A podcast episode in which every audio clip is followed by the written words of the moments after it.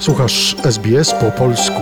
Więcej ciekawych historii znajdziesz na stronie sbs.com.au ukośnik polisz.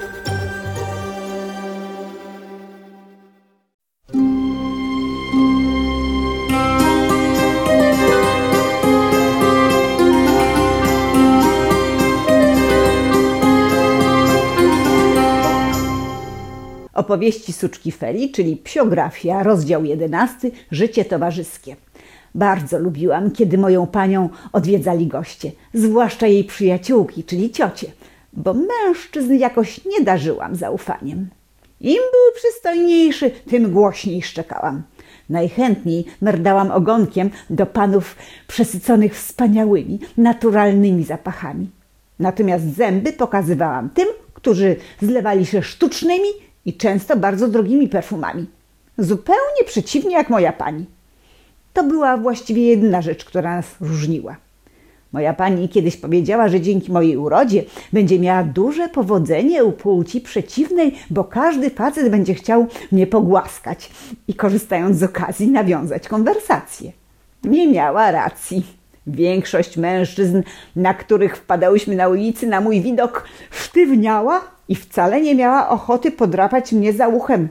A jedyne słowa, jakie potrafili wydusić, brzmiały: Ale to potwór! Jaki potwór?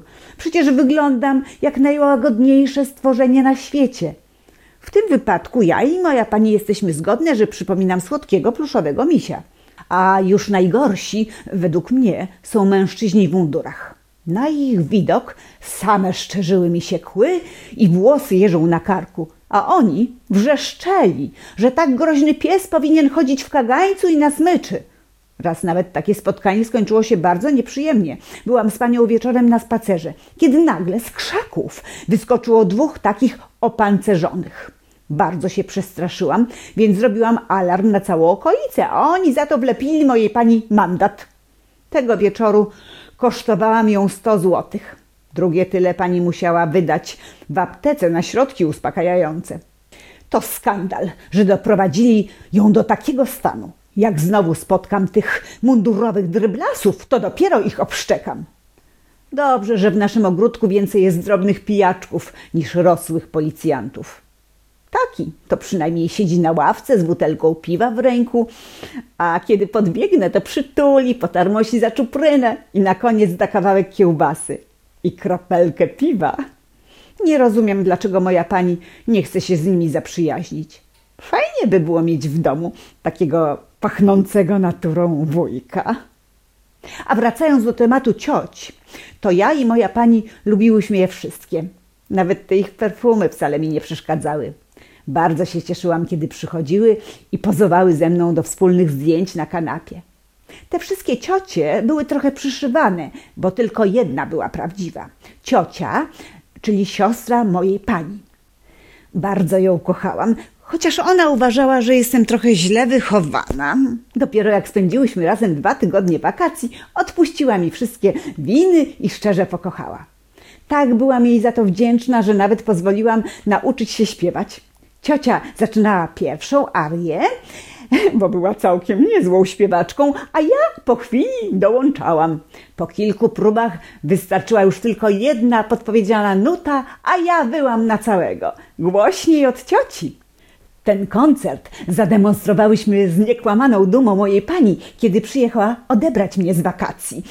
Do dziś pamiętam jej zaskoczony wyraz twarzy i słowa zachwytu. Szkoda, że pod ręką nie było kamery. Moja aria operowa na pewno miałaby miliony wejść na YouTubie. Ale kilka osób to zobaczyło, bo prezentowałam swoje umiejętności przy różnych okazjach, mając nadzieję, że będę pierwszą suczą diwą operową. Uwieczniona natomiast została lekcja nauki języka ludzkiego, a dokładnie słów kocham cię. Bardzo pięknie potrafiłam to wyszczekać. Brzmiało to mniej więcej tak: ho, ha, ha. A w następnym odcinku poplotkuję o moich sąsiadach.